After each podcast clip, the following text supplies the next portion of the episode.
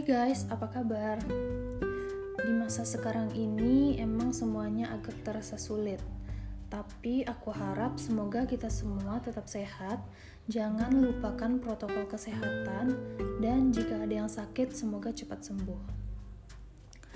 Sebelumnya perkenalkan aku Dea Atifa Zafira dari Teknik Industri Institut Teknologi Sumatera dan ini merupakan tugas kampusku.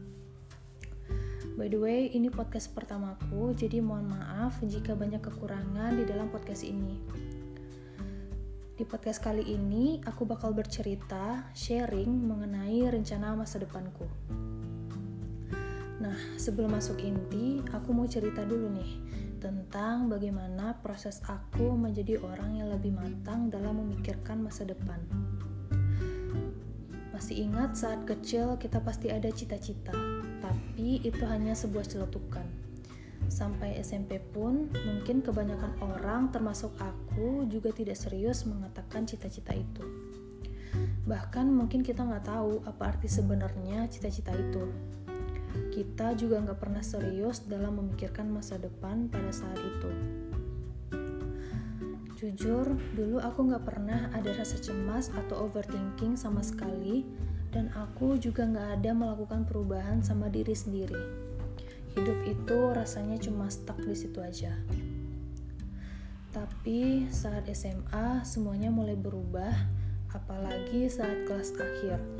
Kita mulai pusing mikir mau kuliah di mana atau mau lanjut apa, apakah mau langsung kerja atau gimana. Dan kita jadi overthinking dan cemas dengan hal itu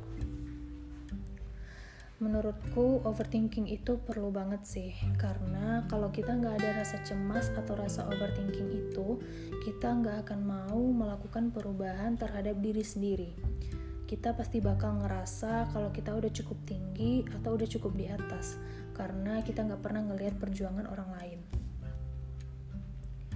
sama halnya dulu aku juga pernah ditertawai dengan istilah bercanda bagi mereka saat aku ditertawai, aku sedih.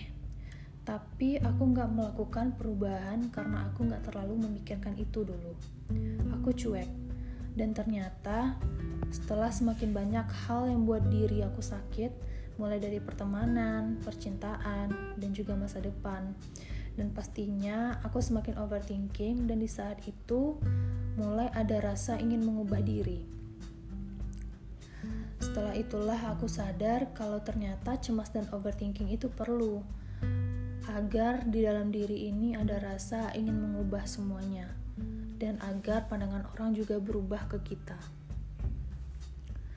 Saat baru memasuki jenjang kuliah ini, rasanya emang sangat berbeda dari masa SMA. Sangat banyak hal baru yang harus buat diri kita keluar dari zona nyaman dan aku pikir ini semua permulaan buat di masa depan nanti agar terbiasa dan gak selalu ada di tempat yang kita mau. Seperti kata bundaku, untuk sukses itu harus banyak berjuang dan pengorbanan dari dalam diri. Ada juga kata dari seseorang, gak semua hal sesuai sama apa yang kita inginkan. Hidup gak cuma ada di kita aja. Ada lebih banyak orang di muka bumi ini kata dari mereka dan banyak hal yang gak sesuai keinginan yang terjadilah yang sekarang menyadarkan aku betapa berat dan sulitnya mencapai sukses di masa depan itu. Aku juga dulu pernah bermimpi pengen rumah sendiri, mobil sendiri, bisa ngasih uang ke adik dengan mudah, ngasih uang ke orang tua, dan masih banyak lagi.